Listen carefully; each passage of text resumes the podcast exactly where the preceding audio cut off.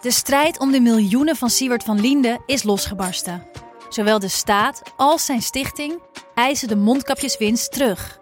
Maar dat die opbrengst in ieder geval niet thuis hoort bij Van Linde, daarover kan toch eigenlijk geen twijfel bestaan. Hoe kon het zo ver komen? Dit is het. We hebben beet. En als Siewert het geld teruggeeft, kunnen wij dit schandaal dan eindelijk loslaten? Je hoort het in de Mondkapjesmiljonairs, exclusief bij Podimo. Ga naar podimo.nl/slash mondkapjes.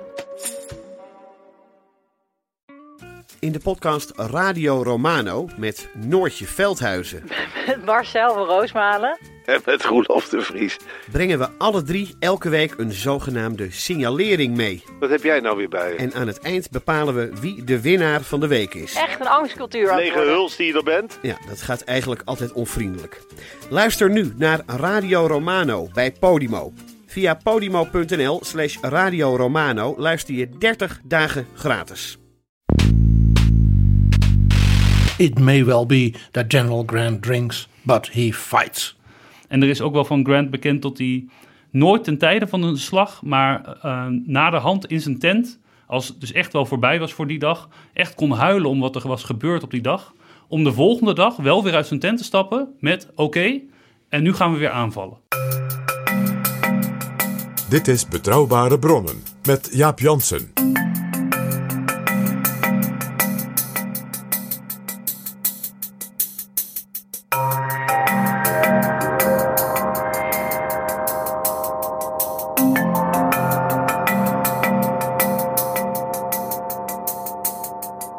Hallo, welkom in Betrouwbare Bronnen, aflevering 263 en welkom ook PG. Dag Jaap, PG, we hebben nog een gast en dat is Pirmin Oldeweghuis. hij is er weer. Welkom Pirmin. Leuk om er weer te zijn voor de derde keer nu eh, in deze context. Ja, want wij gaan het eh, opnieuw hebben over de Amerikaanse burgeroorlog. Die plaatsvond van 1861 tot 1865. Daar zijn we aan begonnen, PG, omdat het natuurlijk een, een, een kroonjaar is, zou je kunnen zeggen. Een kroonperiode. Ja, zeker. Maar ook eh, vanwege de Black Lives Matter in de Verenigde Staten en elders in de wereld.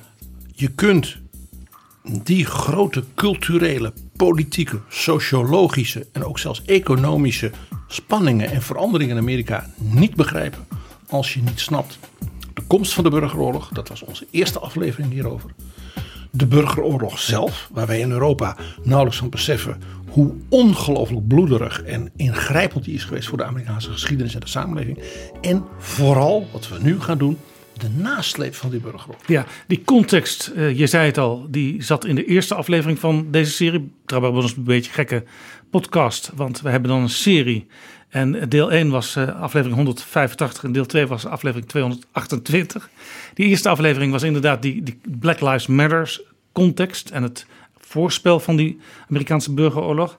Eh, De tweede aflevering eh, ja, die ging eigenlijk over hoe het noorden en het zuiden tegenover elkaar stonden. En hoe het noorden aanvankelijk moeite had om het leger op de been te krijgen. En hoe dus de net aangetreden president Abraham Lincoln geconfronteerd werd met het uit elkaar vallen van de Union, hè, dus de Unie van die staten, waar hij de, het staatshoofd van was. Ja, en hoe hij een generaal kreeg, de, de legerleider, Ulysses Grant, die eh, van doorslaggevende betekenis zou worden. Ja, want hij had nou bepaald geen geluk met de generaals die hij had. Want de, zeg maar, de beroepsmilitairen, en vooral de hele goede beroepsmilitairen, waren eigenlijk allemaal op de hand van het zuiden. Want daar kwamen ze ook vandaan. En na heel veel, nou ja, verschrikkelijke, ook bloederige veldslagen, ja, kwam uit het niks. Dus die jonge officier Ulysses Grant, en dat bleek de opperbevelhebber te zijn.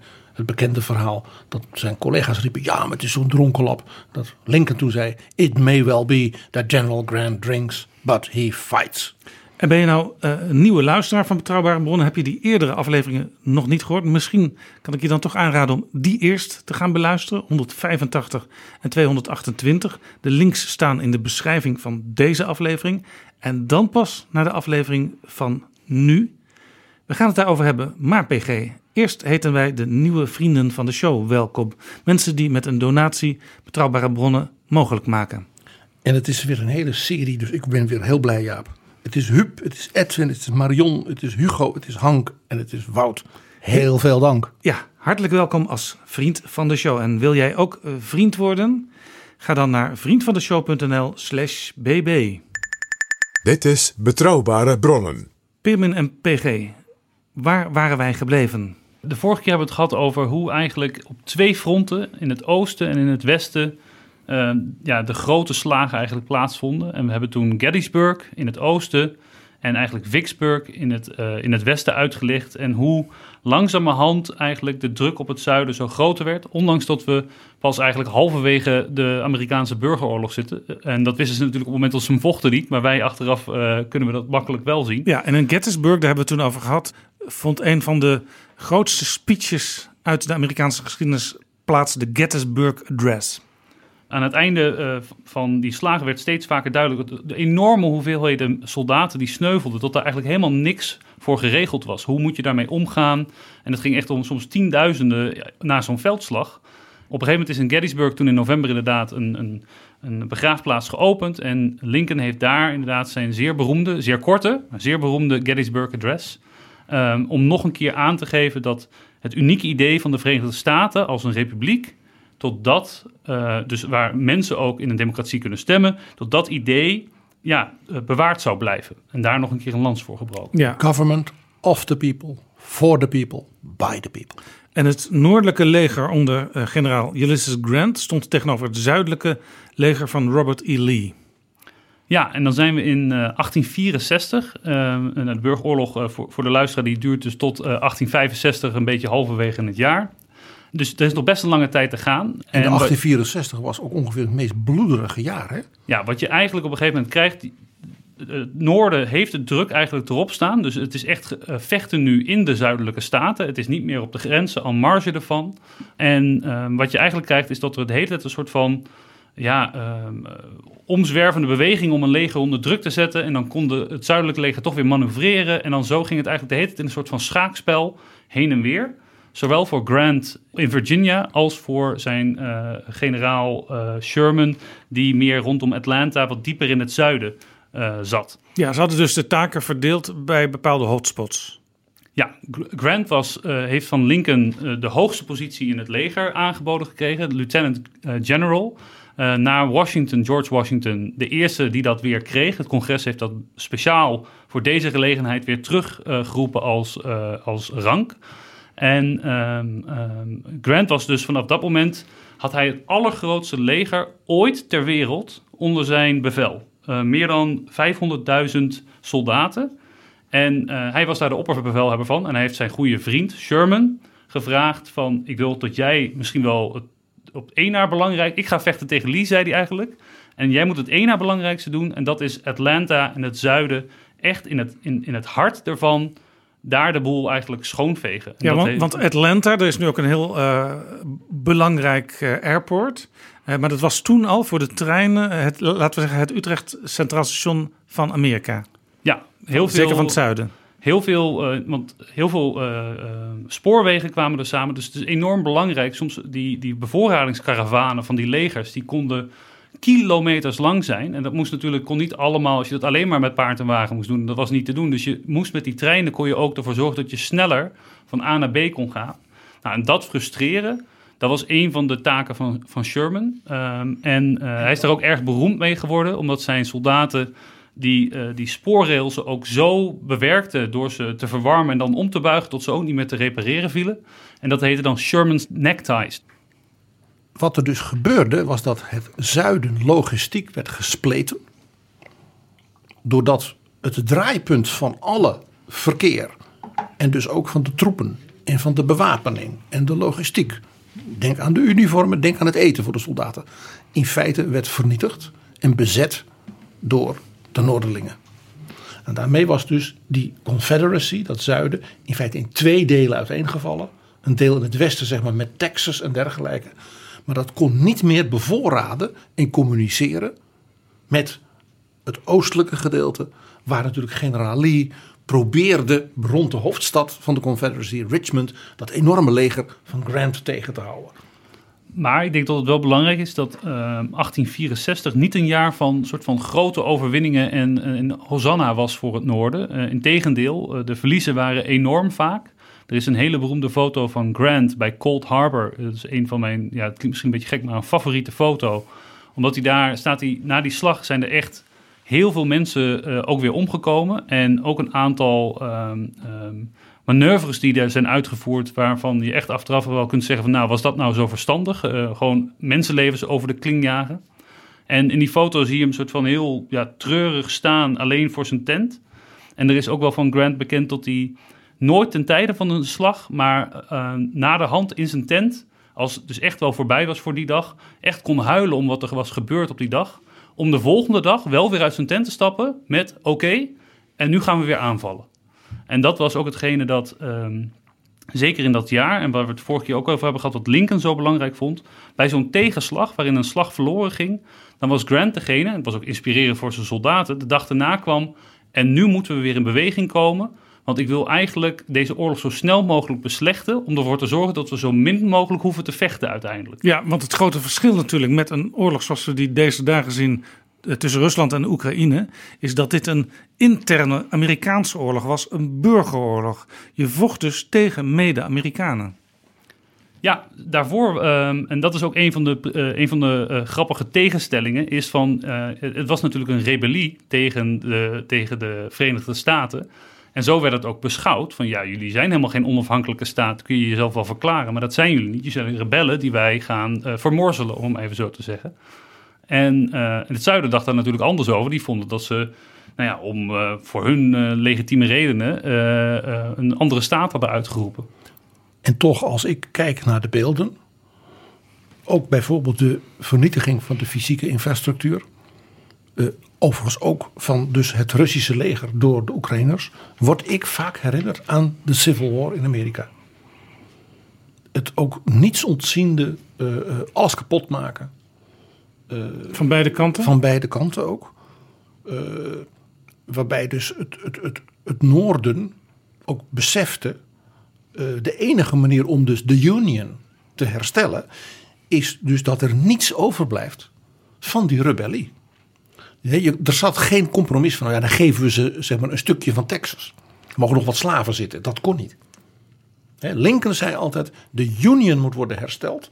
En als dat met slavernij moet, dan moet dat.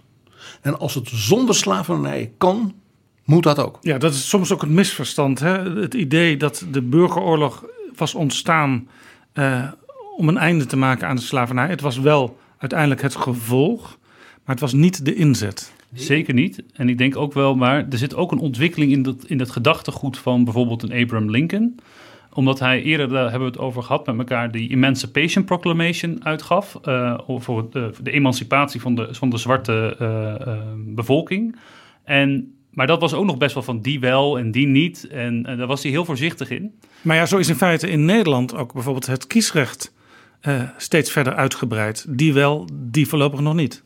Ja, maar je ziet ook wel weer, want uh, 1864, um, men zit dus een beetje vast. Het zijn dus de hele die bewegingen. En op dat moment, 1864, vier jaar na de uh, eerste verkiezing van Lincoln, moet hij ook weer herverkozen worden in november.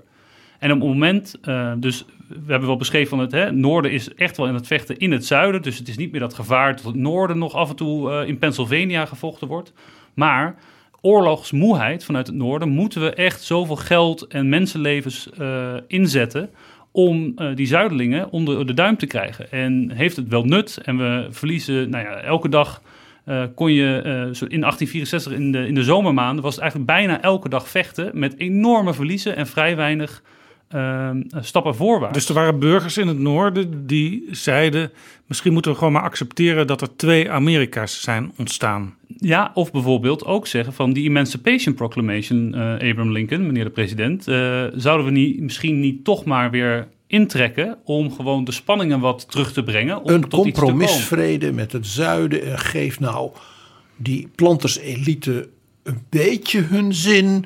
Ja, een beetje slavernij. En, en, en waarbij ook speelde dat in het noorden ook een hele krachtige racistische campagne werd gevoerd. In de zin van straks komen die zwarten als ze vrij zijn allemaal hier. En dan gaan ze ons werk afpakken.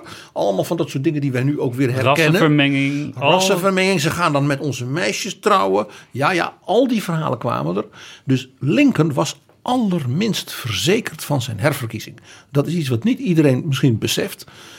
De Democraten, die hadden zelfs het idee dat ze een hele vette kans maakten de verkiezingen te winnen. Mede door hun tegenkandidaat tegen Lincoln. Ja, de democraten die dus in feite eh, geallieerd waren aan eh, de democraten in het zuiden. Ja, die waren voor zeg maar, een compromisvrede. En wie was die uh, uh, tegenkandidaat? Dat was dus niet een of andere pacifistische senator met mooie gedachten. Dat was de voorganger van generaal Ulysses Grant. Generaal George McClellan. Zijn bijnaam was... Little Napoleon. De kleine Napoleon. Want hij stond bekend als een groot strateeg. Ongelooflijk geliefd bij de troepen. En hij was niet heel lang. Nou was vergeleken bij Abraham Lincoln natuurlijk niemand heel lang. Zeker in die tijd. Maar het viel bij hem op. Dus en hij was nogal vol van zichzelf. Hij was zeer vol van zichzelf. De Little Napoleon liet hij zich graag uh, ook aanleunen. Maar het was wel een hele charismatische man. En was inderdaad altijd heel geliefd geweest bij de soldaten. Dus de democraten dachten als nou de vredesgezinde uh, burgers. En de mensen die zeggen ja in ons dorp zijn al zoveel jongens gesneuveld. Moet dat doorgaan. En de mensen die niet zo heel veel bezwaar tegen de slavernij hebben. Want die waren natuurlijk in het noorden ook. Plus de soldaten die allemaal zo dol zijn op McClellan. En die die Grant een butcher vinden, die term werd gebruikt. Een slager. Dan gaan wij winnen. En Lincoln heeft er zeer rekening mee gehouden dat hij niet zou worden herkozen. Maar wat wel spreekt voor Lincoln ook, omdat je gaf net aan inderdaad, en terecht ja, van tot hij niet zo principieel uh, in dat aanlooptraject naar die oorlog erin stond op het gebied van de slavernij. Maar hij heeft wel gezegd, uh, ik heb een, belofte gemaakt met die Emancipation Proclamation.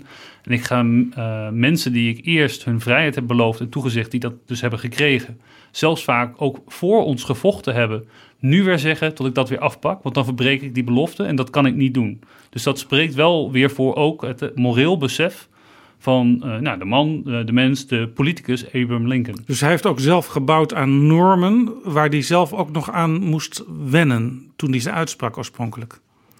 Ja, dat is een, een, een bepaalde uh, ja, ontwikkeling, denk ik, in, in, in zijn gedachten erover. En tot ook het uh, vechten tijdens die strijd daar ook wel grote invloed op heeft uitgeoefend. En die Gettysburg Address is daarom ook zo belangrijk, omdat hij daar in 270 woorden, als het ware bijna als een, ja, een gedicht, want zo kort is het, helemaal geconcentreerd als het de uitkomst van dat denkproces formuleert. Nou, wat gebeurt er? De verkiezingscampagne wordt gevoerd en midden in de verkiezingscampagne verovert generaal Sherman Atlanta. En voor iedere Amerikaan die zeg maar, in de bosatlas zeg maar zeggen, op de kaart keek van zijn land, kon zien dat dat feitelijk, strategisch, het einde betekende van dat het zuiden ooit nog zou winnen. Ja, daarmee kon je eigenlijk alle grote stromen, alle migratie kon je manipuleren, tegenhouden en bevorderen. De, zeg maar, de bewegingen in de economie van het zuiden waren daarmee verlamd. Dus de, de, de, de val van Atlanta was daarom cruciaal. En dat was dus zeg maar, een maand of anderhalf voor de presidentsverkiezingen. En we weten uit de cijfers dat dus de soldaten helemaal niet hebben gestemd op die McClellan. Maar Want de soldaten mochten ook stemmen? Die, ja, die mochten stemmen. Amerikaanse burgers. En dat die als ware vertrouwen hadden in de president. Van we gaan winnen. En toen bleek dus dat die slager Grant door zijn eenvoud en zijn eerlijkheid bij de troepen misschien nog wel geliefder was dan de wat flamboyantere en populaire McClellan. Dus Lincoln won de verkiezingen niet alleen zeg maar, in de dorpen en wat nog niet, maar in belangrijke mate ook door de enorme hoge opkomst in de stemmen voor hem van de soldaten. En misschien ook nog wel aardig om hierbij uh, op te merken dat het, en dat is ook denk ik wel iets waar Amerikanen doorgaans trots op zijn. Het is natuurlijk tijdens een grote burgeroorlog dat het normale democratische proces, zelfs met de grote kans dus dat eigenlijk je, je hoofdaanvoerder van degene die het land bij elkaar wil halen, daardoor niet herverkozen wordt wel gewoon voortgezet is en plaats heeft gevonden. Ja, dat is trouwens sowieso ook een kenmerk van de Verenigde Staten. Hè? Uh, ook bij grote crisis, als er wordt gezegd, zouden we de presidentsverkiezingen niet moeten uitstellen? Nee, dat gebeurt niet, want daar is gewoon een vaste datum voor. Ja, zelfs tijdens oorlog, burgeroorlog, gaan we dat gewoon verder doen. Denk aan FDR, die in de, burger, in de Grote Wereldoorlog in 1940 zijn, zijn, unieke derde termijn kreeg als eerste in de geschiedenis. En in 1944 in november, dus vlak na die day. En ja, de opmars van de, de val van Parijs. Nogmaals voor een vierde termijn herkozen werd. Dus Atlanta uh, werd veroverd door het noorden. Abraham Lincoln werd herkozen. Ja. En eh, dan op dat moment zijn er eigenlijk nog twee dingen die plaatsvinden. Sherman die gaat vanaf Atlanta met een. ehm, eh, stelt hij voor aan Lincoln: Ik kan wel leven van het land. Alles wat ik tegenkom, kan ik mijn soldaten mee voeden. En ehm, ik ga daar doorheen. Het zuiden heeft gekozen voor de oorlog. En nu zullen ze het voelen ook. En ehm, hij is toen eh, Sherman's March to the Sea. Nog mooie muziek. Die zat al in de eerste aflevering, maar misschien kunnen we die nog een keer eh, nog herhalen. Doen we, hè Jaap? Maar daar, Sherman gaat ehm, ehm, met zijn leger, trekt hij dus naar Savannah aan de Atlantische Oceaan. En hij laat in zijn, eigenlijk achter zijn leger een één groot spoor van vernieling. The Eh, March Through Georgia. ja,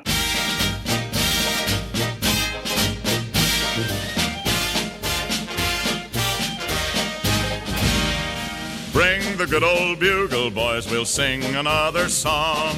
Sing it with the spirit that will start the world along.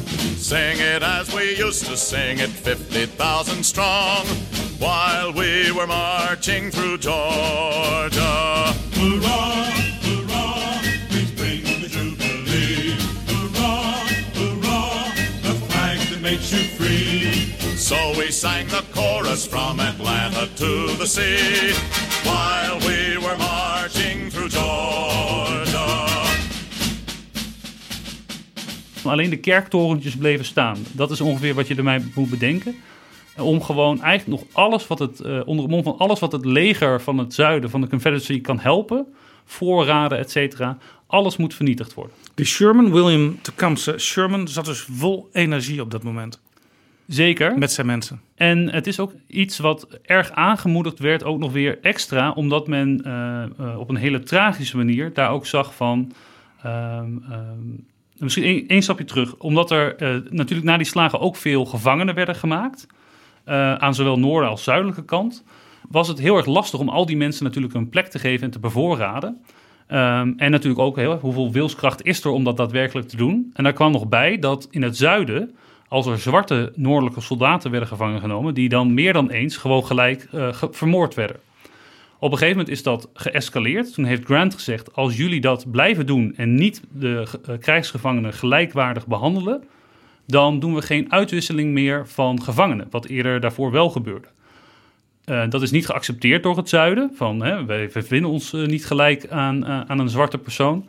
En wat dat veroorzaakte was dat zonder die uitwisseling van gevangenen... die gevangenenkampen nog voller en voller kwamen te zitten. Nou, in een van de beruchte eh, gevangenenkampen... daar zaten voor mij ongeveer 40.000 eh, eh, noordelijke soldaten... eh, onder meest erbarmelijke Dus, omstandigheden dus dat vast. zou je echt wel een concentratiekamp kunnen noemen. Nou, daar zijn ook foto's van hoe die mensen eruit zien. Dat, ja, dat ziet er, je ziet de ribbenkasten. Dus echt niet prettig eh, om Daar, eh, daar, te daar, zien. daar zijn tienduizenden gewoon verhongerd. Dan wel door slechte behandeling en difterie en tyfus eh, epi- epidemieën gewoon omgekomen. En dus de noordelijke troepen die van Atlanta naar de zee gingen. Die kwamen dus dat kamp tegen. De mensen die dat ontvlucht Ja, waren. Ja. En toen drong het tot hen door hoe hun kameraden, ja, die dus met hen hadden gevochten, hoe die behandeld waren. Dat leidde ertoe dat er als daar geen enkel mededogen meer was. En dus dat leger van Sherman, dat werd in drieën gesplitst. En er waren drie als het ware kolonnes. Die zeg maar, zeg maar, om de 10 kilometer zo'n kolonne. En die hebben dus gewoon alles wat er was. Eh, elke boerderij, vooral natuurlijk de plantages van de rijke eh, slavenhouders. Geplunderd, afgebrand.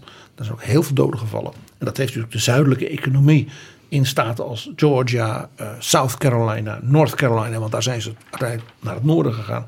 Natuurlijk voor decennia ja, teruggeworpen tot ja, armoe.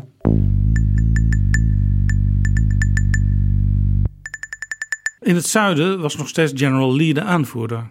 Ja, dat was de, de andere plek. Grant en Lee die zaten ook dus de hele in eigenlijk een soort van die worsteling van en dan weer eromheen. En Grant natuurlijk met zijn mentaliteit van het maakt niet uit wat er gebeurt. Ik ga verder naar voren drukken. Dat werd ook door Lincoln eh, erg gewaardeerd dat hij dat bleef doen. En zo ging het verder, verder en verder. Ehm, totdat eh, er een, eh, bijna een loopgravenoorlog ontstond. eh, die nou ook in onze, meer onze Europese geschiedenis een voorloper kan zijn van de Eerste Wereldoorlog. We hebben het eerst erover gehad. De Civil War was de eerste industriële, moderne massaoorlog. Waarin ook de trein en bijvoorbeeld de massaproductie van wapens een rol speelde. En dus ook wat we in de, het westfront van de Eerste Wereldoorlog hebben gezien. Ja, de Vlaamse loopgra- velden. De loopgravenoorlogen en dus ook de verschrikkelijke verliezen daarbij.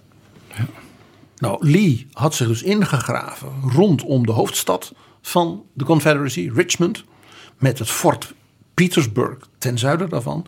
En Grant bouwde als het ware een enorme stellage weer daaromheen, om ze natuurlijk langzaam fijn te malen en ook te voorkomen. eh, Dus er werden ook voortdurend werden raids gedaan om de, de, de spoorwegen te vernietigen, om te voorkomen dat er dus aanvoer kwam.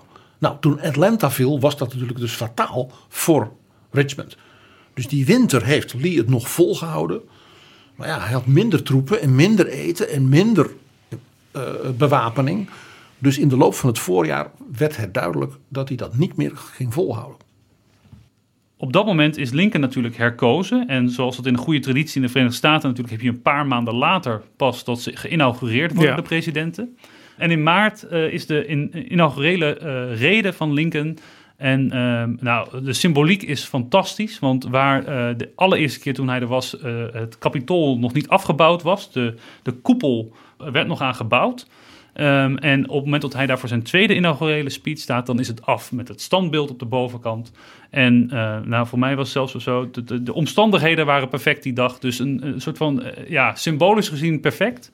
En op dat moment ehm, eh, gaat hij eigenlijk meer in. En misschien is het aardig om daar ook nog even naar te luisteren.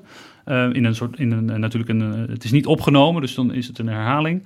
Maar geeft hij eigenlijk aan van het, sentiment van het zuiden heeft, wel heeft gekozen voor deze oorlog. En eh, zij doen daar nu ook boete voor eigenlijk. Doordat, eh, en ook de, de, de redenen voor die oorlog vanuit de slavernij voortkomen. eh, daarvoor doen zij nu boete. Maar uiteindelijk zit er ook wel weer een klein venster op van... Zometeen moeten we ook weer zonder wrok ergens weer verder kunnen met elkaar. Maar wel volgens een paar uitgangspunten. Dus we gaan geen compromis sluiten. Hij gest- zegt dus aan, als het zuiden is overwonnen, dan zijn dus de zuiderlingen ook weer Amerikanen. Als ze accepteren dat de Constitution en de Union weer volle- volledig zijn, zoals die koepel van het kapitool. Lincoln wist natuurlijk dat hij visueel een heel krachtig symbool letterlijk achter zich had. Dan zouden ze ook weer volledig Amerikaan zijn en burger. De reden van Abraham Lincoln aan het begin van zijn tweede termijn als president, later opnieuw ingesproken. Fondly do we hope, fervently do we pray, that this mighty scourge of war may speedily pass away. Yet, if God wills that it continue until all the wealth piled by the bondsman's two hundred and fifty years of unrequited toil shall be sunk, and until every drop of blood drawn with the lash shall be paid by another drawn with the sword, as was said three thousand years ago, so still it must be said. The judgments of the Lord are true and righteous altogether. With malice toward none, with charity for all, with firmness in the right, as God gives us to see the right, let us strive on to finish the work we are in, to bind up the nation's wounds, to care for him who shall have borne the battle, and for his widow and his orphan, to do all which may achieve and cherish a just and lasting peace among ourselves and with all nations. Je begrijpt dat in het Lincoln Monument op de Mall in Washington de tekst van deze inaugural natuurlijk is afgedrukt op de wand. En die van de Gettysburg Address en die van zijn eerste inaugural. Dat zijn de drie iconische speeches van Lincoln waardoor hij ja, de geschiedenis ingegaan is. Dan gaat de, de, de slag verder. Uiteindelijk breekt ook Richmond onder de druk van Grant. En ehm, ehm, in april is het dan zo dat ook de stad dus valt. Dus het, de stad waar de hoofdstad van de Confederacy, ehm, Jefferson Davis, de president van, het, eh, Die van de Confederacy, moet vluchten.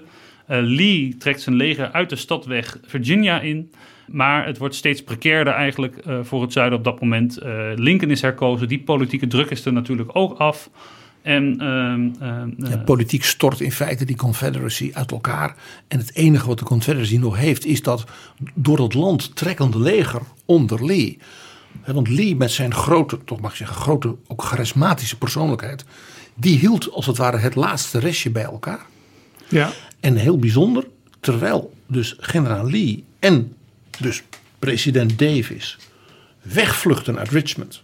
De president met de trein, de laatste trein als het ware, naar elders in het zuiden. De generaal met zijn troepen probeert de bergen van de Appalachians te bereiken. Is Lincoln eigenlijk om de hoek met een boot vanuit Washington. Om te overleggen met Grant en zijn generaals over de laatste fase van de oorlogshandelingen. En Lincoln krijgt dus de mededeling: ja, Richmond is open en weg. En wat doet Lincoln? Die neemt zijn kleine zoontje Ted, neemt hij mee en wat ja, bodyguards en wat uh, secretarissen, een klein groepje. En die zijn dus naar Richmond gegaan. Dat is een uniek moment in de Amerikaanse geschiedenis. Dus die, die, die enteren in feite de hoofdstad van het zuiden. Ja. En Lincoln loopt dus over straat. En wordt dus door mensen gegidst. Nou ja, daar was het kantoor van Jefferson Davis. Dus zijn staf was erbij en zijn zoon staat bij hem op schoot. In de stoel van president Jefferson Davis van de Confederacy. En Lincoln heeft toen, we weten uit de beschrijving dat hij niets heeft gezegd en alleen maar, ja, zeg maar het raam uitkeek en dat kind vasthield. De, zelfs Lincoln met zijn grote poëtische gaven had geen woorden voor dat moment. Nou, toen liepen ze dus dat kantoor uit. En inmiddels op straat waren natuurlijk allemaal mensen. Ja, die hadden. Er is wat aan de hand. En dat waren natuurlijk bijna allemaal zwarten. Ja. De blanke bevolking, de blanke elite rond die president was natuurlijk gevlucht. Die zwarte mensen, die zien dus daar Lincoln, het kantoor van dus de president van het zuiden, die hen dus slaaf wilde houden, naar buiten komen. Zo'n ongelofelijke scène. Die mensen gingen natuurlijk allemaal gospel zingen. Halleluja, halleluja. Lord Jesus. Dat, dat, nou ja, dat was voor hen natuurlijk een wonder. Dus die riepen toen ook Vader Abraham, Vader Abraham. Ze hebben zijn hand gekust, dat wilde hij niet. Dan heeft hij ze nog toegesproken te zeggen: Ik wil geen wraak, ik wil verzoening. Maar u bent nu vrij. Maar dan moet u zich ook als een vrij mens waardig tonen. Heel indrukwekkend. Ja, een prachtig moment voor Lincoln en voor dit verhaal ook. Maar ook zijn besef bij Lincoln. We hebben dan misschien wel militair gewonnen. Maar het grootste uitdaging komt misschien nog wel. Ja, Hoe maar- we dus voorkomen dat mensen wraak gaan nemen. Hè, dat je dus eh, haat, nijd en, en, en, en moord en brand gaat krijgen. Eh, en hoe krijgen we dat die slavenbevolking als daar zich ontwikkelen kan tot vrije burgers in een democratie. Waar ze natuurlijk niet in waren opgegroeid. Maar Peerman, de burgeroorlog was nog niet voorbij. Want eh, generaal Lee was dus nog wel aan het vechten met zijn zuidelijke leger. Ja, het vechten werd wel steeds minder. Eh, op een gegeven moment eh, raakt Lee ehm, buiten Richmond ook omsingeld. Eh, Grant gaat dan steeds meer, weet hij zijn legers geheel om hem heen te positioneren. Dan is er nog wel een poging om uit te breken. Van kunnen we nog een keer wegkomen? Nou, die mislukt. Ze slaan een klein deukje in een pak boter, maar dat mislukt. En op dat moment is het ook voor Lee duidelijk dat het klaar is. Ehm, en dat hij zich ook zal moeten overgeven. En ehm, ehm, dat is op eh, 8 april eh, bij een plaatsje Appomattox Courthouse. En uiteindelijk de locatie die toevalligerwijze gevonden wordt om de, de, de, het samenkomen tussen Grant en Lee, om dus die overgave formeel te maken. Er moest een stuk getekend worden. Waar de eerste slag was, daar stond een klein boerderijtje in Manassas, eh, Bull Run, de Battle of Bull Run. En de eigenaar van die boerderij, dat werd toen, toen tot hoofdkwartier gemaakt van een eh, zuidelijke legerleiding leiding daar. En in zijn huis, want hij was verhuisd naar de hand, hij wou er niks meer mee te maken hebben. Toen is hij dus eh, verhuisd en in zijn nieuwe huis is uiteindelijk die overgave van General Lee eh, formeel gemaakt. En Dus deze, die boer is verhuisd van Manassas Junction naar Appomattox. En in vijf jaar, dus na- vier jaar na zijn verhuizing, kwamen die generaals weer langs en weer in zijn huis moesten. En even voor het beeld. eh, toen Lee zich overgaf, ging dat dan zoals je zou verwachten met de witte vlag?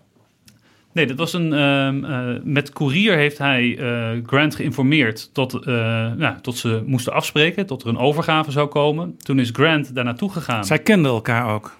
Nou, dat is nog wel grappig. Zij kenden elkaar wel. Maar eh, we weten uit de, de overlevering dat Grant daar ook aan heeft gerefereerd in het gesprek dat ze elkaar kenden. En tot Lee eigenlijk zei van nou, ik kan me dat niet zo goed herinneren. Wat op zich ook wel weer logisch was, want hun rankverschil destijds was best groot. Lee wat had een hogere rang. Ja, eh, dan, dan Grant. Maar dat samenkomen. Lee had nog zijn beste eh, officiersuniform aangetrokken. En Grant, zoals hij ook bekend stond, die had de modder van het paardrijden nog overal zitten. En nou ja, Afgekloven uh, laarzen, uh, een, een, hoed met een, met een gat erin. Soldaten zeiden wel vaker van tot ze, nou ja, tot ze hem er toch niet zo generaalachtig uit vonden zien. En dat ze dat wel jammer vonden ook.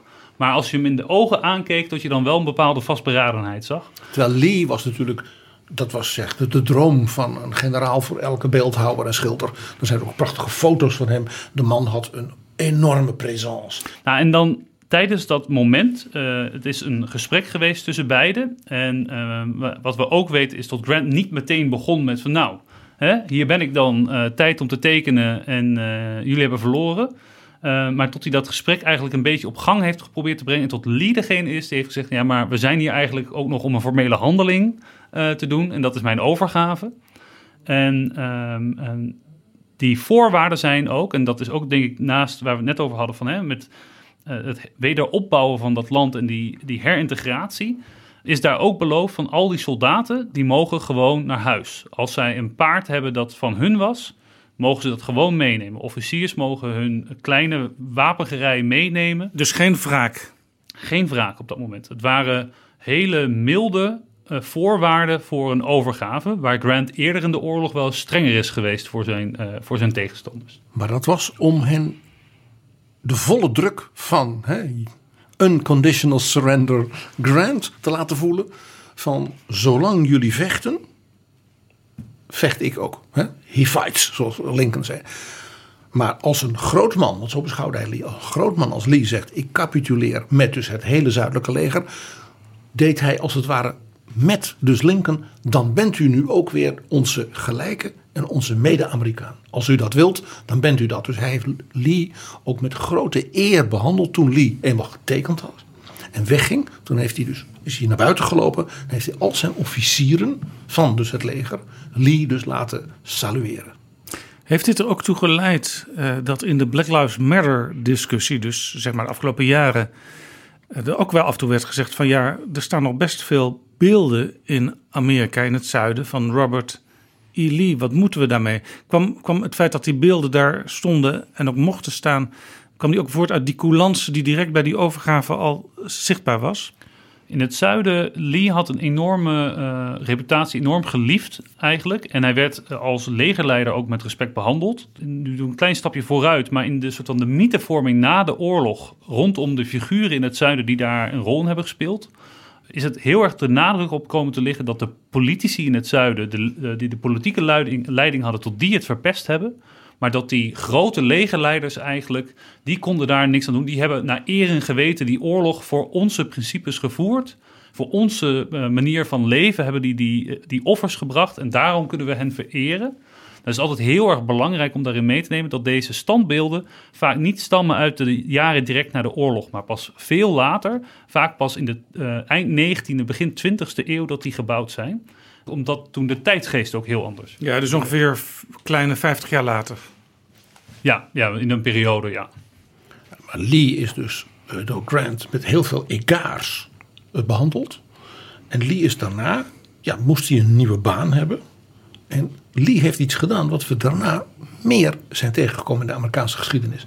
Hij werd de president van een belangrijke universiteit. En het interessante is dat uh, dit soort mensen als Lee vaak dan na hun uh, zeg maar, militaire carrière zo'n soort functie kregen. Dat geldt bijvoorbeeld ook voor Eisenhower. Hè, die werd president van de Columbia University. Een heel interessant verschijnsel. Dat zo iemand dan als leidersfiguur als het ware werd binnengehaald. Ze werden dus een grote organisatie geaccepteerd als volwaardig lid van de elite. Ja. Nou, dat was dus 8, 9 april. President Lincoln was dus nu weer ja, de president van de Verenigde Staten. Want het zuiden had gecapituleerd. En ja, wat dus de president nu moest doen, was het organiseren van het weer, ja, zeg maar, opnemen van dat zuiden met dus nu vrije bevolking, geen slaven meer. dus 40% van die mensen was daarvoor slaaf en was nu vrij. En de president moest een strategie ontwerpen om ervoor te zorgen dat dus Amerika ook weer één werd. Dus dat die verzoening waar hij ook voor had gepleit en waar Grant zich ook naar had gedragen bij die capitulatie, ook reëel zou worden. Ja, hij moest dus voorkomen dat rancune de bovenhand zou krijgen en bevorderen dat de eenheid en ook de kracht van de Verenigde Staten ook in de wereld uh, weer voorop zou staan. Vanuit de fundamentele beginselen van de Declaration of Independence. En vanuit die gedachte natuurlijk van uh, PG, zoals je aangeeft, van ja, we moeten wel weer samen verder, maar wel volgens een set nieuwe regels. In ieder geval voor het Noorden eigenlijk de regels die er al impliciet waren, maar die nu dus herbevestigd worden en dus ook in de Constitutie verankerd worden, is uiteindelijk dus niet alleen die Emancipation Proclamation, maar dan krijg je de 13th Amendment, die de afschaffing van de slavernij bewerkstelligt in de In de grondwet. Die wordt verankerd in de grondwet. En um, uh, daar is ook een hele mooie film over. Trouwens, een van mijn uh, uh, favorieten, die ik toch wel, nou ja, laten we zeggen, één keer in de twee jaar nog een keer terugkijk, is de Spielberg-film Lincoln. Oh ja. Met Daniel Day-Lewis, die daar voor mij ook Oscars voor gewonnen heeft. En terecht. En het is. Um, um, ik denk dat de, deze podcast misschien wel een goede introductie is om er niet helemaal middenin te vallen. Want het begint gelijk in een groot politiek schaakspel.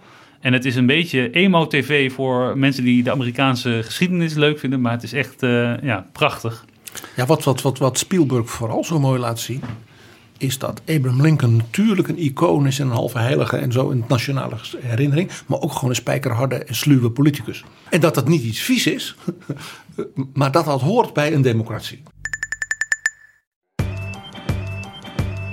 Ja, hoi. Even een commercial break. Elke van Vriend van de Show hier. Vind je deze podcast leuk en wil je de maker steunen? Ga naar vriendvandeshow.nl en word vriend. Dit is Betrouwbare Bronnen, een podcast met betrouwbare bronnen. Het noorden had gewonnen, het zuidelijke leger had zich overgegeven. Maar ik kan me voorstellen dat niet alle zuidelijke burgers uh, meteen uh, ook halleluja gingen, gingen zingen.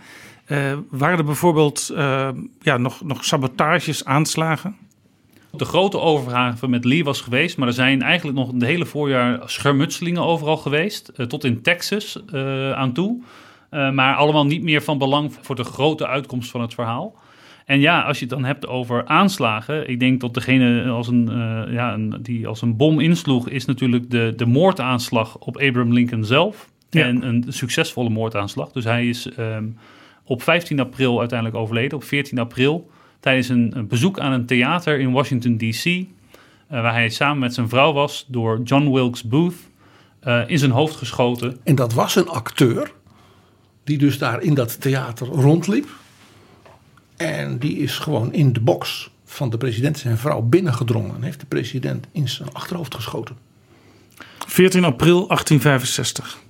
Ik had geloof ik alles verteld in een eerdere editie dat Lincoln voor zijn ontspanning heel graag naar opera en toneel ging. En dit was ook zo'n voorbeeld. En als door een wonder, dat moet wel gezegd worden, heeft generaal Grant bedankt om met de president samen te gaan. En daar speelde ook dat mevrouw Grant en mevrouw Lincoln, door het wat moeilijke karakter van mevrouw Lincoln, niet erg dol op elkaar waren. Want het was een groter complot. Er waren meerdere uh, um, ja, moordenaars op pad om onder andere de Secretary of State te vermoorden, de vicepresident Andrew Johnson te vermoorden, Lincoln te vermoorden en Grant te vermoorden. Nou, de aanslag op Lincoln is dus succesvol geweest. Grant, wat begin net aangaf, uh, nou, die is op fortuinlijke manier het ontkomen. En volgens mij, de, een van de drie uh, daders heeft uiteindelijk ja, niet de moed gehad om het uit te voeren. En de Secretary of State heeft alleen uh, een, een, mesaanval overleefd. Dus het is een, ja, in die zin een, een, een groter complot geweest tussen een, aantal mannen die zich nou ja, in DC verzamelden om dat uit te voeren. En die zijn daarna ook in een klopjacht opgejaagd en opgespoord. En uiteindelijk ook terechtgesteld opgehangen. En dat Ulysses Grant daar eigenlijk zou je kunnen zeggen door ja, gelukkig toeval niet aanwezig was, was heel belangrijk. Uh, want toen Lincoln ja, er niet meer was, uh, bleek een dag later, toen werd in feite Grant de grote leider. De ochtend dat Lincoln dood was, zijn minister van Defensie zei toen hij dood was tot zijn collega's: Now he belongs to the ages. Nu, is hij, nu hoort hij bij de eeuwen.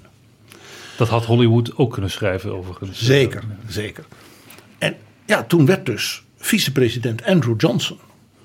En die was tot hij vicepresident werd, gouverneur van de staat Tennessee. Dat was eigenlijk een zuidelijke staat, maar die meedeed met Lincoln en Ah. de Union. Dus dat was een hele slimme compromisfiguur om een vicepresident te maken. Het was natuurlijk nooit de bedoeling geweest dat die man president zou worden. Maar ja, eh, eh, ik bedoel, Lincoln was een maand daarvoor ingehuldigd. Hè? Dus dat betekent dat Andrew Johnson de hele vier jaar daarna president zou zijn. Maar die man had natuurlijk geen enkele politieke achterban in, in Washington. En had geen enkel gezag. En Grant had dat wel. Hij was ook geneigd om toch ja, die sentimenten uit het zuiden, om daar geen, niet meteen korte metten mee te maken. Nou ja, Andrew Johnson eh, wou eigenlijk zo snel mogelijk een soort alsnog compromisvrede met de zuidelijke elite. Want daar, daar, daar voelde hij gewoon heel veel voor. En eh, hoe sneller, eh, laat ik zeggen, ook alle troepen weer huis konden. En we, we gewoon weer lekker verder gingen zoals voor de burgeroorlog. Hoe makkelijker het zou zijn en hoe minder gedoe. Dat was natuurlijk niet de lijn van Lincoln geweest. Die zei: nee, het zuiden moet als het ware gedemocratiseerd worden. Zodat de hele zuidelijke bevolking, niet alleen de blanke elite, deel kan hebben aan het burgerschap van de Verenigde Staten. Dus er ontstond al heel snel grote politieke spanningen tussen de president en de meerderheid in het congres van de Republikeinen, die dus ja, de Lincoln eh, mensen waren. En tussen hen in was er dus één persoon, dat was dus de opperbevelhebber, want dat bleef hij, Ulysses Grant, die natuurlijk werd beschouwd een beetje als ja, de erfgenaam, ja, zeg maar in morele zin. Van Lincoln. Van Lincoln. Maar Ulysses Grant was natuurlijk helemaal geen politicus. En één ding, dat was Andrew Johnson wel. Nou, die spanningen hebben geleid eh, tot eh, ja, een uniek feit in de Amerikaanse geschiedenis. Andrew Johnson is de eerste president geworden die een impeachment aan zijn broek kreeg. Dat maakte de positie van Grant natuurlijk alleen maar moeilijker.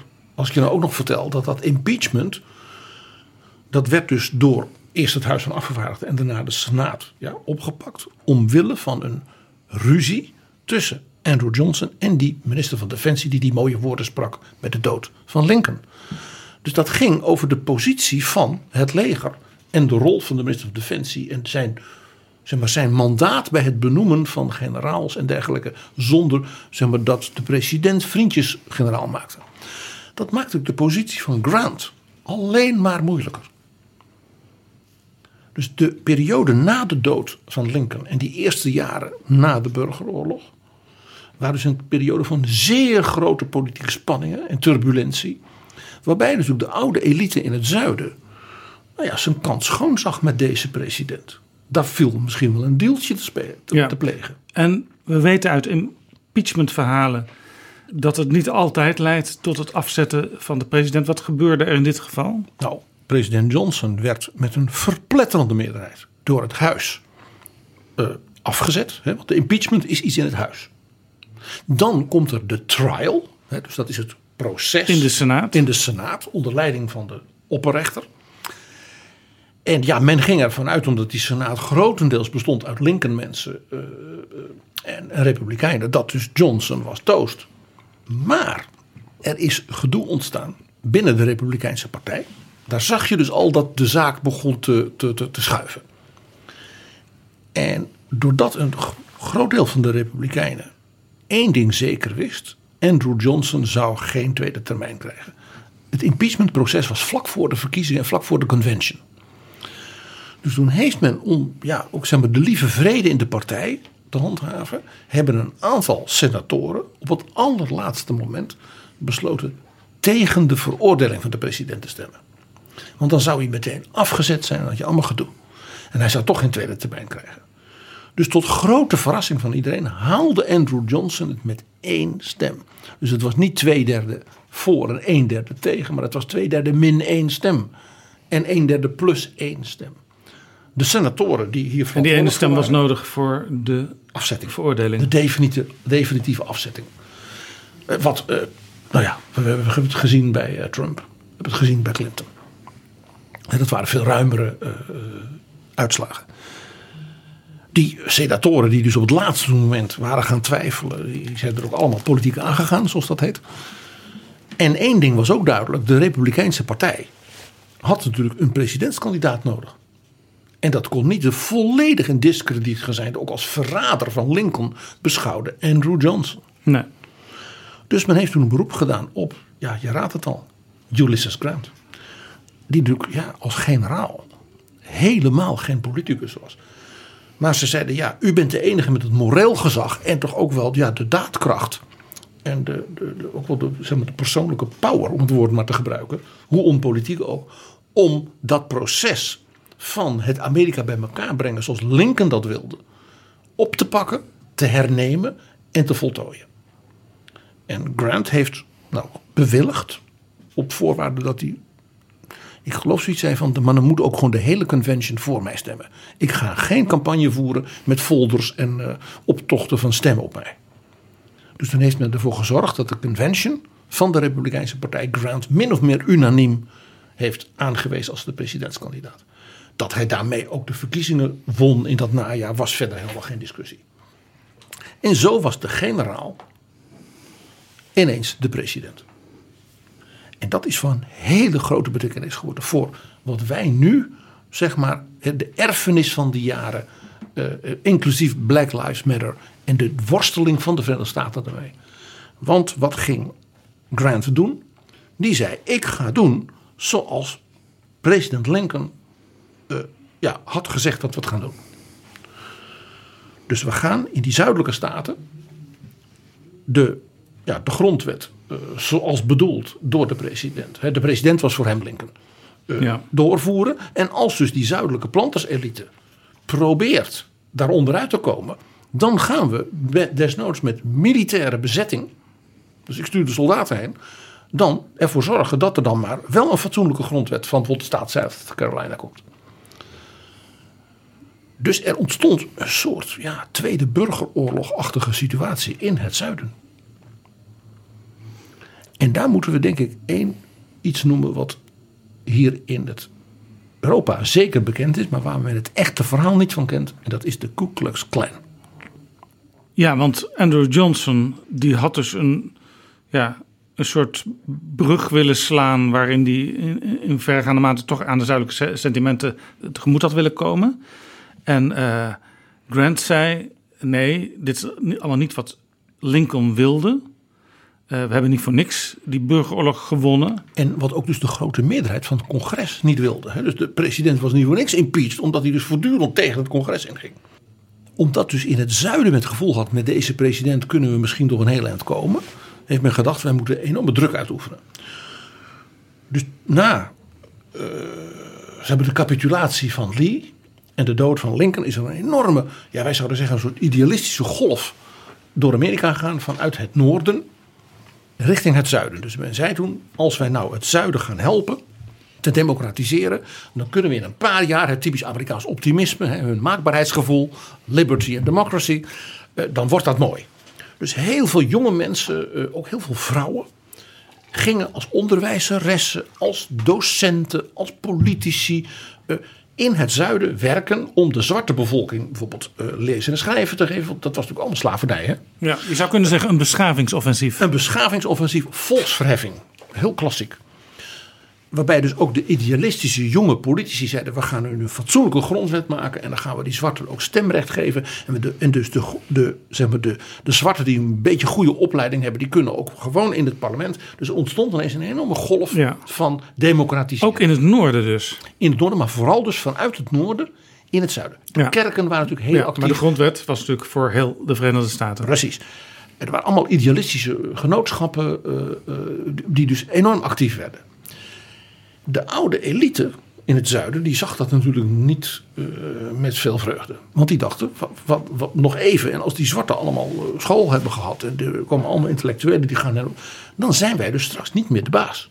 Want we hebben die oorlog al want ze zijn verloren. gewoon in aantallen mensen gewoon extreem in de minderheid, om maar even zo te zeggen. Zeker de planterselite ten opzichte van de slavernij. Ja. En de middenklasse, om maar zo, er was een vrij kleine middenklasse in het zuiden. Die was ook helemaal nooit zo tegen, zeg maar, voor die Confederacy geweest en tegen de Union. Dus daar was de omslag, ging wat soepeler dan zeg maar, in de oude elite. Ja, maar men was dus bang voor wat je eh, eh, nu in deze tijd wel eens hoort in bepaalde kringen. omvolking. Ja, dat is een hele goede formulering. En misschien nog wel een, een kanttekening, PG, als, als dat mag. Van, want dit was natuurlijk de ene kant. Aan de andere kant dat er ook. Er was ook natuurlijk heel veel ja, eh, eh, ongeorganiseerdheid. Omdat natuurlijk in één keer valt het helemaal uit elkaar. Uh, dus er waren ook heel veel uh, slaven die toch weer in constructies terechtkwamen waarin ze niet als slaaf werkten, maar waar je toch ook weer je bedenkingen bij kan hebben hoe dat georganiseerd is.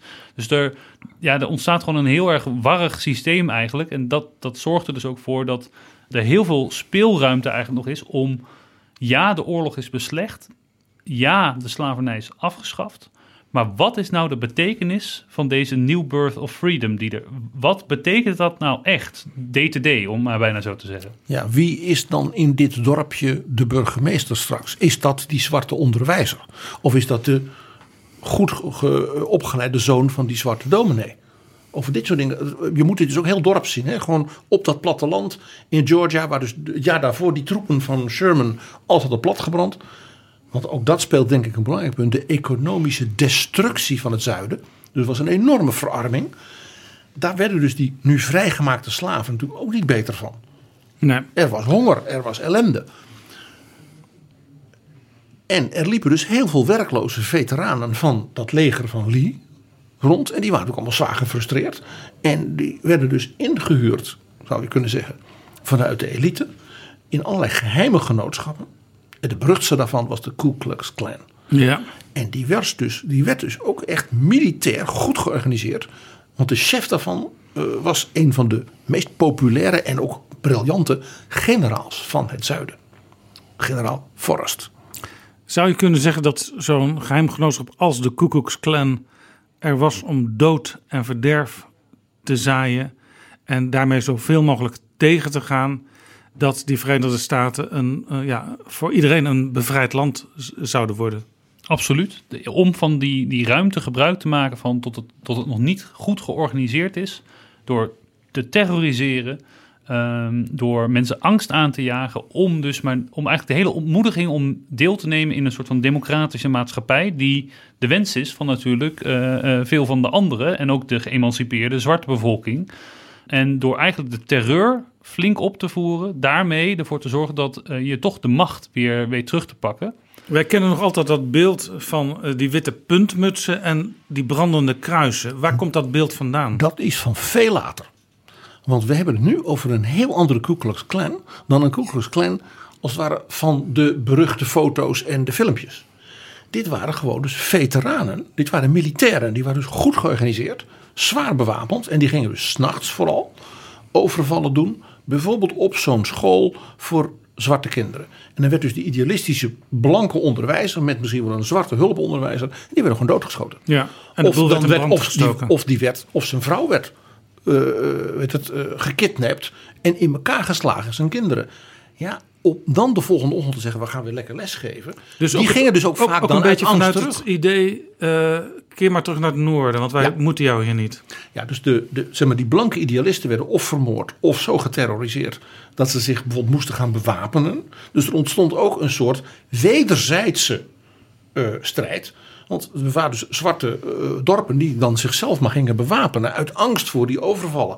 Nou, je begrijpt, dan gebeurt er wel eens wat. En dan, dan werd dus geroepen, zie je, die zwarte schieten zomaar onschuldige blanke boeren dood. Dus, dus dat beeld, zeg maar, wat wij nog kennen uit eh, de, jaren 60 en 70 nog, van inderdaad die brandende kruisen en die witte puntmutsen, dat was meer een soort van raar, soort nostalgische eh, variant ervan. Ik zal je zo vertellen hoe, waar dat vandaan komt. Dus deze feitelijke terreur, burgeroorlog. Ik, ik ga het gewoon zeggen, dit was een soort ISIS. Daarvan zei dus de toen inmiddels aangetreden president Grant.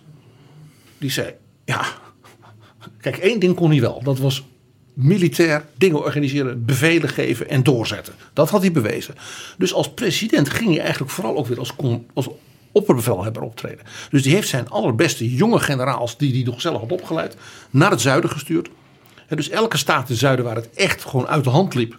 South Carolina, hè, moet altijd weer genoemd worden. Er was ook de wettelijke ruimte voor gecreëerd om dat te mogen doen. Ja, want normaal zou je natuurlijk zeggen, eh, dat zijn politietaken, maar hij stuurde het leger erop af. Ja, hij zei, wij moeten de, de Union en de Constitution redden. Nou, dat heeft Lincoln gedaan.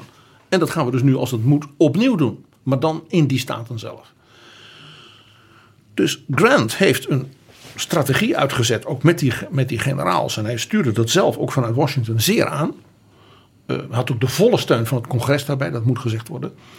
En die heeft in twee jaar, en dat is echt een prestatie van formaat, als je denkt aan de antiterreur uh, maatregelen in de eeuwen nadien, uh, heeft hij die Ku gekraakt. Dat leidde dus ook toe dat dus die zuidelijke staten, dat heette dus de Reconstruction, de reconstructie, dus weer opnieuw waren gebouwd volgens het model zeg maar, van Lincoln. Dus dat betekende ook weer dat de zuidelijke staten weer senatoren in Washington hadden, dat er een gouverneur was, dat er een, een huis van afgevaardigden was in, de sta, hè, in elke staat, conform de grondwet en de Declaration of Independence. En, en de dat, recent aangenomen amendementen die dat allemaal moesten faciliteren.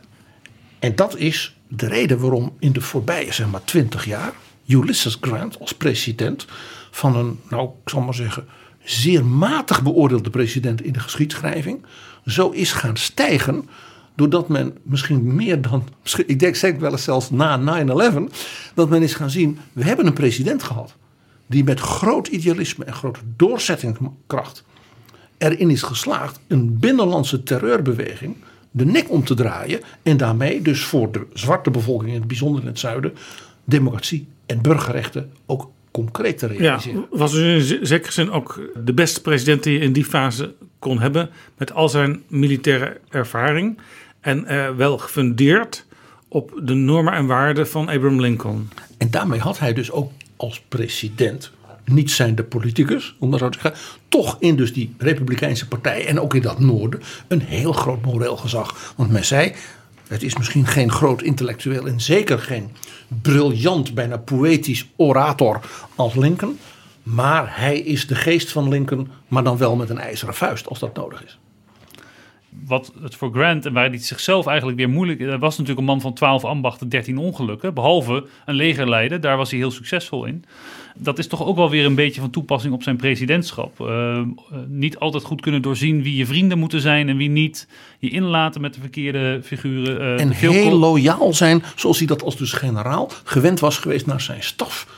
Naar de generaals onder hem, daar was hij streng in, discipline, maar hij was enorm loyaal naar ze. Daarom dat men ook zo zijn soldaten en zijn mensen ook allemaal zo van hem hielden. Maar een politicus kan soms beter wat meer mensenkennis hebben en niet altijd zo loyaal zijn. En de dubbele bodems doorzien bij allerlei strategische en tactische zetten ja, en dat van mede- en tegenstanders. Ja, en dat de belangrijkste belegger in het nieuwe Wall Street van de jaren 70 van de 19e eeuw, waarbij dus een heel nieuw soort modern kapitalisme opkwam, dat hij jou beloofde dat, dat hij jou ging helpen bij het organiseren van de beleggingen van de Amerikaanse staat in goud. En dat je dan zegt, oh, dat is misschien wel een goed idee als brave generaal. Dat ging dus niet helemaal goed. Nee. Dus Grant heeft eigenlijk wat je door zijn hele soort van leven, carrière ziet, een soort van die, die, dat die eeuwige strijd tussen, nou ja, ook, uh, hij hield uiteindelijk ook om, ervan om te drinken. Dat zal vast ook een rol hebben gespeeld. Het niet altijd goed inweten te schatten van uh, ja, je relaties tot anderen, maar toch ook heel principieel kunnen zijn in het, uh, in het nastreven van de idealen. En ook daarvoor uiteindelijk gewoon de militaire macht van het land aanwenden om het uiteindelijk gewoon te bewerkstelligen. Om je een idee te geven, want dat zijn toch wel cijfers, laat ik zeggen, die tellen. Feiten en cijfers. Toen Grant als president dus de Ku Klux Klan had vernietigd. En ervoor had gezorgd dat dus alle zuidelijke staten weer helemaal deelnamen aan de Verenigde Staten ja. als democratie bij de verkiezingen kwam er, was er een opkomst in de zuiden van 70%, inclusief de zwarte bevolking. En de tragiek is geweest dat toen hij als president wegging, uh, de Republikeinse Partij een deal heeft gesloten met de oude elite. En dat waren dus de Democrats in het zuiden. En in 1880 ging nog 60% van de mensen in het zuiden stemmen. En in 25 jaar later, zeg maar rond 1900, ging nog maar 2% van de zwarte bevolking naar de stembus. En dat is ook hetgene, soort van de situatie die op dat moment gecreëerd wordt tussen de burgeroorlog, die dus eindigt in 1865. Laten we even voor het gemak zeggen, richting de eeuwwisseling. In die periode is eigenlijk uh, de, de oorlog beslecht in het, in het, uh, door het noorden De grondwet wordt aangepast, slavernij wordt afgeschaft. Eh, er is een push ook om uh, burgerrechtenwetgeving in te voeren. Uh, tot iedereen mag stemmen. En eigenlijk wat je ziet is dat doordat er de politieke steun... door eigenlijk tot iedereen weer bezig gaat met de dagelijkse bezonjes van het leven en van de politiek... brokkelt en, af. En van de enorme opmars natuurlijk van het kapitalisme maar en de economie even. in Amerika. Wacht even. Ja. De deelname aan verkiezingen door zwarten in het zuiden daalde van ruim 60% in 1880 naar 2% 25 jaar later. Kwam dat ook omdat in het zuiden eigenlijk de deelname uh, van, van zwarte, ja, laten we maar zeggen, gesaboteerd werd. Zoals je zelfs in de huidige geschiedenis van de Verenigde Staten ook nog ziet.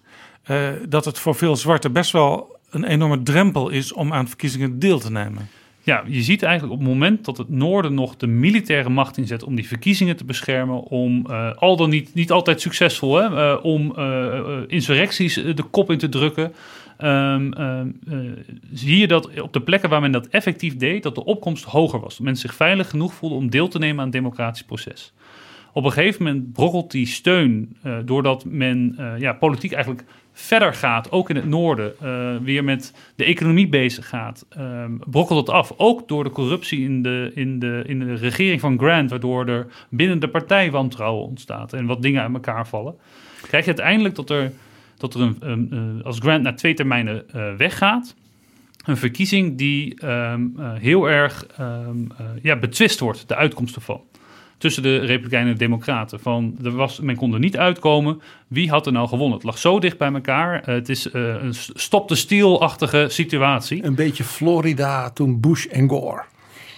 Ja, of uh, wellicht nou, stop de stiel gaat over een ander jaartal. Ja. Maar ehm, het is, het is een hele precaire situatie. En op dat moment wordt er in de achterkamertjes een deal gesloten Oké, de Republikeinen, dus de partij van Grant, die afgetreden, uh, zou aftreden als president, die houden het presidentschap. Maar alle legers van het noorden gaan weg uit het zuiden. Dus oftewel, geen bemoeienis meer met hoe wij onze zaakjes hier regelen. Nou, vanaf dat moment zie je eigenlijk in steeds verder toenemende mate dat die verworven burgerrechten weer stuk voor stuk afgebroken worden. En daarmee ook, samen met de terreur zie je dus weer tot, tot het dus eigenlijk die hele participatie daarin weer helemaal naar beneden toe wegloopt. En kom je uiteindelijk in de situatie waarin je in 1900 bijna geen deelname meer hebt in het democratisch proces in heel nee. veel zuidelijke staten.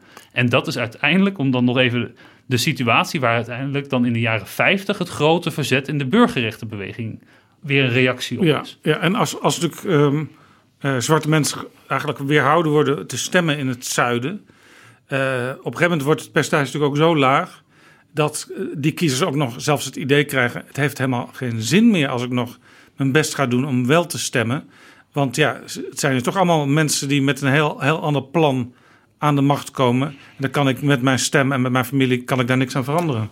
Daar speelde nog iets dat men ter plekke lokale wetgeving introduceerde. En er was dus geen Ulysses Grant meer met troepen die zei dat gaan we dus niet doen. Dat is in strijd met de idealen van Lincoln. En er waren dus wetten bijvoorbeeld van je mocht stemmen, maar dan moest je op het stadhuis een examen afnemen in de grondwet. En dan moest je dus bijvoorbeeld als burger uit je hoofd kunnen vertellen wat is artikel 27b van de grondwet. Als jij dus een eenvoudige zwarte boer was met nauwelijks lagere school. Dit was gewoon een truc om dus alleen misschien een heel klein bovenlaagje van de zwarten, hè, om het mond van kijk, ze kunnen wel stemmen, toe te laten tot de stemregisters. Ja. Nou ja. En men had ook bijvoorbeeld de poll tax. Dat was als jij een belasting betaalde op jouw grondeigendom of op je huiseigendom, dan mocht je stemmen. En jij raadt al wie er natuurlijk geen eigenaar waren van grond of van huizen. Dat waren een klein groepje arme blanken en vooral bijna alles wat. Ja, ja, dit is natuurlijk ook de eeuwige discussie die altijd rondom het uh, Hoge Rechtshof plaatsvindt over de interpretatie van de grondwet. En daarom, Jaap, dat is in 1965 die andere vicepresident Johnson, die door de moord op zijn president, president van Amerika werd, Lyndon Baines Johnson, die beroemde Voting Rights Act doorvoerde. Hij was zelf in Texas, in het zuiden opgegroeid. Kende dus alle trucs. En die heeft dus toen een wet doorgevoerd die al dat soort lokale trucs verbood. En vandaar dus dat nu onder Joe Biden men bezig is met in feite een revisie en een herbevestiging en een aanscherping van de Voting Rights Act van Lyndon Baines Johnson. Ja, waarvan dan het nog maar de dus hoe vraag diep- is in hoeverre dat allemaal Juist. gaat worden door eh, het parlement. En met name door de partij van Lincoln, de Republikeinen. En dat geeft dus aan hoe ongelooflijk diep de wortels zijn. Van dus de strijd, ook in de Senaat van vandaag. En van wat, wat Nancy Pelosi allemaal doet in het huis op dit terrein. Hoe diep dat zit dus in die geschiedenis van met name die Reconstruction. Het feit dat de zwarte zeiden ons werden rechten gegeven. Wij zullen Lincoln eeuwig ervoor vereren. Maar feitelijk zijn ons die rechten vervolgens weer afgepakt. En was het eerst Lyndon Johnson en dan daarna zeg maar, Obama en nu Biden, die ons alsnog zoveel jaar later gaan geven waar we eigenlijk vanaf de Declaration of Independence eigenlijk recht op hebben. Ja, en je kunt dus concluderen, zoals dat vaak gaat, dat eh, de geschiedenis geen eh, rechte progressieve lijn eh, om, omhoog is in de zin van Dat zit niet in de mensheid, ja. de emancipatie, die ook op een gegeven moment in, in de grondwet en in wetten vorm kreeg, die kon ook weer deels worden teruggedraaid in de geschiedenis. Of dan zo geïnterpreteerd, of verfijnd, of plaatselijk aangepast, dat het dus een travestie werd van de oorspronkelijke bedoeling. Ja, heel, heel cynisch, separate but equal-achtige doctrines. Van we zijn, we, we, we zijn uit elkaar, dus segregatie. En daarin zijn we gelijk. Maar ja, dan zijn natuurlijk die voorzieningen niet gelijk. Dan krijg je uiteindelijk het verzet van Rosa Parks. Van ik wil in dezelfde bus, op dezelfde plek zitten. Waarom Maar moet ik dat- achterin zitten op de bus? Omdat ik die kleur heb. Separate but equal, de Jim Crow laws, al dat soort dingen. Dat komt allemaal voort uit die, uit die, eh, eh, vanuit het einde van de reconstructie. Als dat eigenlijk faalt, grotendeels in ieder geval. Ehm, en dan de periode daarna ehm, eigenlijk weer een soort van restauratie van de oude eh, waarden in het zuiden. En daarmee bedoel ik dus voortvloeiend uit een diep geworteld ongelijkheidsbegrip. En Jaap, ik ga nu als historicus misschien een wat merkwaardige, verrassende analogie en conclusie meegeven. De Verenigde Staten in die Reconstruction en de jaren daarna leek dus op de historische, ook sociologische, economische ontwikkeling van een ander groot continent-natie. Dan hebben we het over 1876, 1880, die periode. Ja. En dat is het tsaristische Rusland. Het tsaristische Rusland. De bevrijder, hè, zijn bijnaam, Tsaar Alexander II, hief in 1862, dus eerder dan in Amerika, de lijfeigenschap op, op in Rusland. Dat was dus de slavernij. 80% van de bevolking. En net als in de Verenigde Staten regelde hij natuurlijk niet dat dan de adel, die dus de eigenaar was geweest van die slaven in Rusland, die mensen dan wel zeg maar, stukjes land moest geven, zodat ze hun eigen bestaan konden opbouwen. Dus het effect was, net als in de Verenigde Staten, dat dus die lijfeigenen onderworpen bleven op dat platteland aan de macht van de oude elite. En wat er dus gebeurde in Rusland was dat feitelijk men niet ja, op dat platteland in de oude verhoudingen bleef leven. En dat dus de jongere mensen, ook door de industrialisatie en de modernisering van de landbouw, niet meer nodig waren. In die grote landerijen met nieuwe, moderne agricultuur. Dus die gingen naar de steden. En naar de Oeral, ja, naar Moskou, naar Sint-Petersburg, naar de Donbass, ja, naar de mijnen. Want net als de Verenigde Staten van de tweede helft van de 19e eeuw was ook het Rusland van na 1880 de- een boom-economie. En dat kon, kon dus omdat men heel veel slaven had die dus in die industrie arm, maar wel vrij, zich konden ontwikkelen. En het interessante is, in de Verenigde Staten heb je hetzelfde gezien. Daar heet dat de Great Migration. Vanuit het zuiden zijn dus hele grote eh, bevolkingsgroepen van de zwarten die zeiden: wij willen weg. Wij willen niet hier blijven leven en we zijn ook niet meer nodig met de modernisering van de landbouw. Die zijn dus naar de steden gegaan. En daarom dat je dus in die noordelijke gebieden in de, in de Verenigde Staten, denk aan een stad als Chicago, denk aan Philadelphia, St. Louis, New York, van die hele grote zwarte minderheden hebt. Met hun eigen kerken, hun eigen organisaties, hun eigen vakbonden. Ja. Hoe komt dat? Dat, was dus, dat waren dus de migranten uit het zuiden, die dus in het noorden, in dus de moderne economie, de maakindustrie, om maar zo te zeggen, hun bestaan gingen opbouwen. En dus de politieke economische ontwikkeling van de Verenigde Staten en Rusland hebben dus eigenlijk bijna 50 jaar een analoge ontwikkeling gezien. Alleen in het ene land leidde het tot het bewind van Lenin en Stalin. In het andere land leidde het tot de komst van Franklin Delano Roosevelt en Harry Truman. Dankjewel PG. En dankjewel vooral ook Peermin Oldeweghuis voor wederom je medewerking aan Betrouwbare Bronnen. Ik vond het hartstikke leuk weer, Jaap. En Jaap, tot slot kunnen we natuurlijk maar één ding laten horen.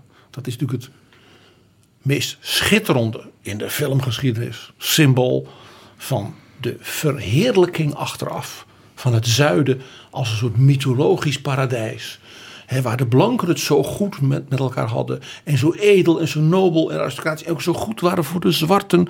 Paternalistisch. En toen kwamen die Noorderlingen. En die verbrandden Atlanta. Vreselijk, vreselijk, vreselijk. De beroemde film Gone with the Wind. En dat is dus een valse voorstelling van zaken, die film. Dat is een door en door racistische uh, verheerlijking van het zuiden. Maar waarom wil jij dan, dan toch iets uit laten horen, PG? Omdat die film terecht zo beroemd is. Het is subliem gemaakt, schitterende muziek. Ik vind eigenlijk het contrast ook iets te groot met de afsluiting eigenlijk. Ik mag misschien iets anders voorstellen. Moeten we even kijken of daar een leuke passage in zit. Is om... Uh, heel, heel, heel kort stukje even van Gone with the Wind voor PG. A love affair you'll remember as long as you live, filled with all the fire and fury of the times in which it happened.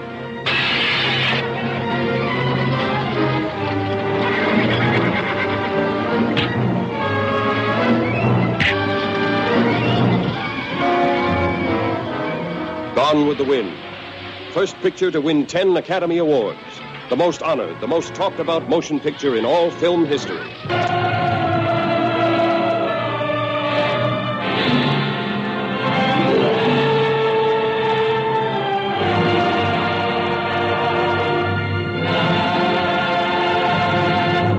Nou ja, zo, zo klonk die film dus. Maar jij hebt nog een ander idee, Permin. Ja, want ik vind het toch wel. Uh, ik denk, we, we, sluiten af op zo'n serieuze toon. En dan krijgen we toch uh, Gone with the Wind. Uh, ja, ik dacht van. Misschien is het wel aardig om hier. ehm, Frederick Douglass, de, de grote zwarte politicus in de, in de burgeroorlogjaren. Die, ehm, die stond erom bekend dat hij zei van. Het is belangrijk om to agitate. Om mensen een beetje te frustreren als je je doelen wil bereiken. Beetje wat MLK ook had, hè? Wat MLK, maar vooral, en dat is uh, waar ik naartoe wil, is naar John Lewis. Die zei van, het is heel belangrijk om in good trouble, necessary trouble te komen. Ja, dus, wat, dus milde provocatie. Ja, en dat zit hem dus heel erg in van, ja, die wetten zijn er wel. Maar die wetten, ons aan de wet houden, uh, dat zorgt ervoor dat we eigenlijk niet mee mogen doen. En misschien is het daarom wel mooi, uh, nu als afsluiting hierin, om naar de, de, de, de mars op de brug van Selma... Uh, bij Selma, om daar de, de herdenking daarvan, uh, Obama en John Lewis die samen over die brug lopen, om daar naar een stukje uit de speech van John Lewis te luisteren. Volgens mij hebben we daar al wel een stukje uit laten horen in de allereerste aflevering van dit drieluik, aflevering 185, maar dat geeft helemaal niet, want het is wel een mooie afsluiter. Dus laten we toch even luisteren. So I said to you, don't give up on the things that have great meaning to you. Don't get lost in a sea of despair. Stand up for what you believe. Because in a final analysis, we are one people, one family, the human family. We all live in the same house. The American house. The world house. We're black. We're white. We are Hispanic. Asian American. Native American. But we're one people. Thank you.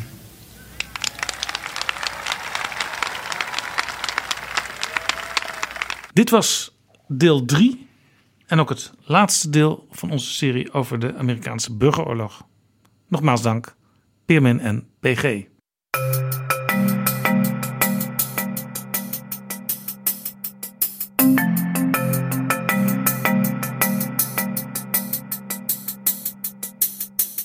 Zo, dit was Betrouwbare Bronnen aflevering 263. Deze aflevering is mede mogelijk gemaakt door de vrienden van de show. Wil jij ook ons helpen met een donatie en daardoor vriend worden? Ga dan naar vriendvandeshow.nl slash bb. En ja, wonder boven wonder. Tijdens de opname van deze aflevering kwam een pushbericht binnen en ik dacht... Eh, ik leef in de geschiedenis, want dat pushbericht zegt... Voorgangers van ABN AMRO zijn in de 18e en 19e eeuw betrokken geweest bij slavenhandel, plantageslavernij en de handel in producten die afkomstig waren uit slavernij.